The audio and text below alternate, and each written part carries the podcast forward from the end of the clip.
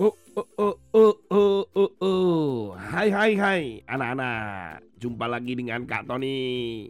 Siapkan hati dan pikiranmu untuk mendengarkan kisah-kisah dan merenungkan firman Tuhan hari ini. Pada suatu hari seorang pria tiba-tiba ditahan oleh pihak kepolisian Prancis. Kalau ditangkap atau ditahan oleh pihak polisi, pasti melakukan sesuatu yang melanggar peraturan. Memang benar, sebetulnya pria ini membawa kue atau roti. Kan roti itu enak dimakan, enak untuk dinikmati. Eh malah kue atau roti itu dilemparkan di lukisan Mona Lisa yang terkenal itu anak-anak. Lukisan Mona Lisa yang ada di Museum Louvre di Paris, Prancis itu tiba-tiba dilempar oleh seorang pria yang waktu masuk ke dalam museum itu dia menyamar sebagai wanita tua yang berada di kursi roda. Saat dia di dekat lukisan Mona Lisa, tiba-tiba dia berderiak dan kemudian melemparkan lukisan itu. Oh, maaf, bukan melemparkan lukisan. Maksudnya melemparkan roti ke arah lukisan Mona Lisa. Dan tak. Dan puji Tuhan, lukisan itu memang tertutup oleh atau terlindungi oleh sebuah kaca. Jadi tentunya tidak merusak lukisan, hanya kacanya saja yang ada bekas roti. Dan tentunya yang nggak perlu diambil lagi rotinya. Tapi pria tersebut langsung ditangkap oleh pihak polisi. Si pria ini yang tidak diketahui namanya ini berteriak-teriak. Dia mengatakan, Hei pikirkan bumi, pikirkan bumi. Ada orang yang mau menghancurkan bumi. Tapi teriakannya sambil melempar roti. Ya, bodoh-bodoh didengar oleh orang-orang di situ. Orang-orang di sana malah marah dengan dia.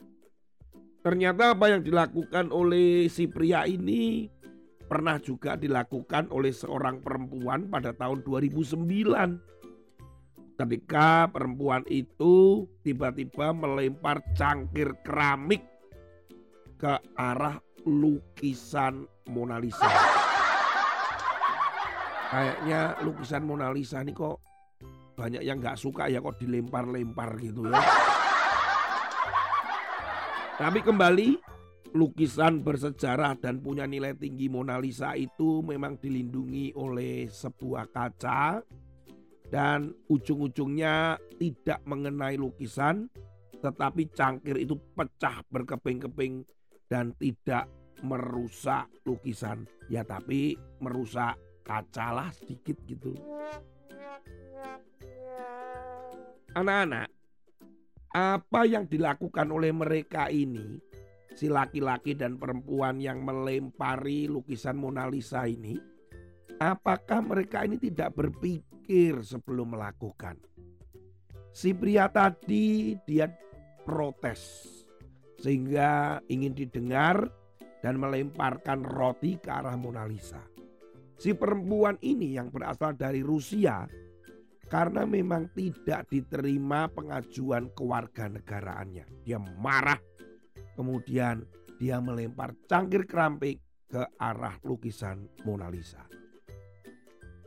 Firman Tuhan hari ini kita akan baca pada Amsal pasal yang ke-22 ayat yang ketiga. Kalau orang bijak melihat malapetaka, bersembunyilah ia. Tetapi orang yang tak berpengalaman berjalan terus lalu kena celaka. Nah, nah. Maksudnya itu orang yang tak berpengalaman berjalan terus ini karena memang dia tidak tahu. Tidak berpikir panjang. Tidak mendengarkan nasihat atau tidak mau belajar begitu. Wes pokoknya jalan terus. Seperti pria dan perempuan tadi. Terus pokoknya ngelempar dulu. Pokoknya ngomong dulu. Nanti ditangkap, itu urusan belakang. Tapi ketika ditangkap kan merepotkan keluarganya, memalukan dirinya. Sama dengan kita, kalau kita ini tidak berpikir panjang di dalam kehidupan ini, dipikirkan, direnungkan. Kira-kira akibatnya apa kalau saya melakukan ini, saya melakukan itu. Kalau saya terlambat, kalau saya lupa mengumpulkan tugas, kalau saya marah-marah kepada guru, kalau saya pulang terlambat, atau kalau saya mencuri buku atau mainan atau apa pun pun ini orang lain atau teman saya, semua itu dipikirkan jauh-jauh hari.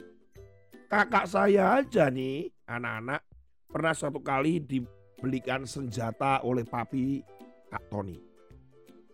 Kemudian naik ke lantai dua, eh bukan lantai dua itu atap tuh. Kak Tony ada di sana. Eh, senjata yang baru itu digunakan untuk menembak burung-burung yang ada di tetangga anak-anak. Waduh, waduh. Saya bilang, loh kode itu nanti mati itu kasihan. Gak apa-apa, ini kita lihat.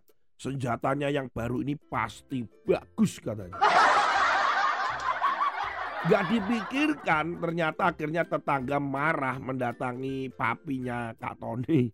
Dan dimarahilah uh, kami semua ya kan. Padahal Kak Tony kan cuma lihat ikut-ikut dimarahin juga. Nah seperti itu gak dipikirin, gak dipikirin. Oh ya nanti kalau saya tembak mati tetangga marah, burungnya kok mati semua kan begitu. Nah sebelum bertindak, sebelum mengatakan, sebelum bersikap, sebelum ngomong, dipikirkan dulu. Dan kita harus hati-hati. Kalau memang harus diam ya diam, kalau harus sembunyi ya sembunyi. Kalau harus uh, tidak berkata-kata dan tidak melakukan ya jangan melakukan. Itu namanya anak yang bijak. Tuhan Yesus memberkati. Sampai ketemu lagi dengan Kak Tony. Amin.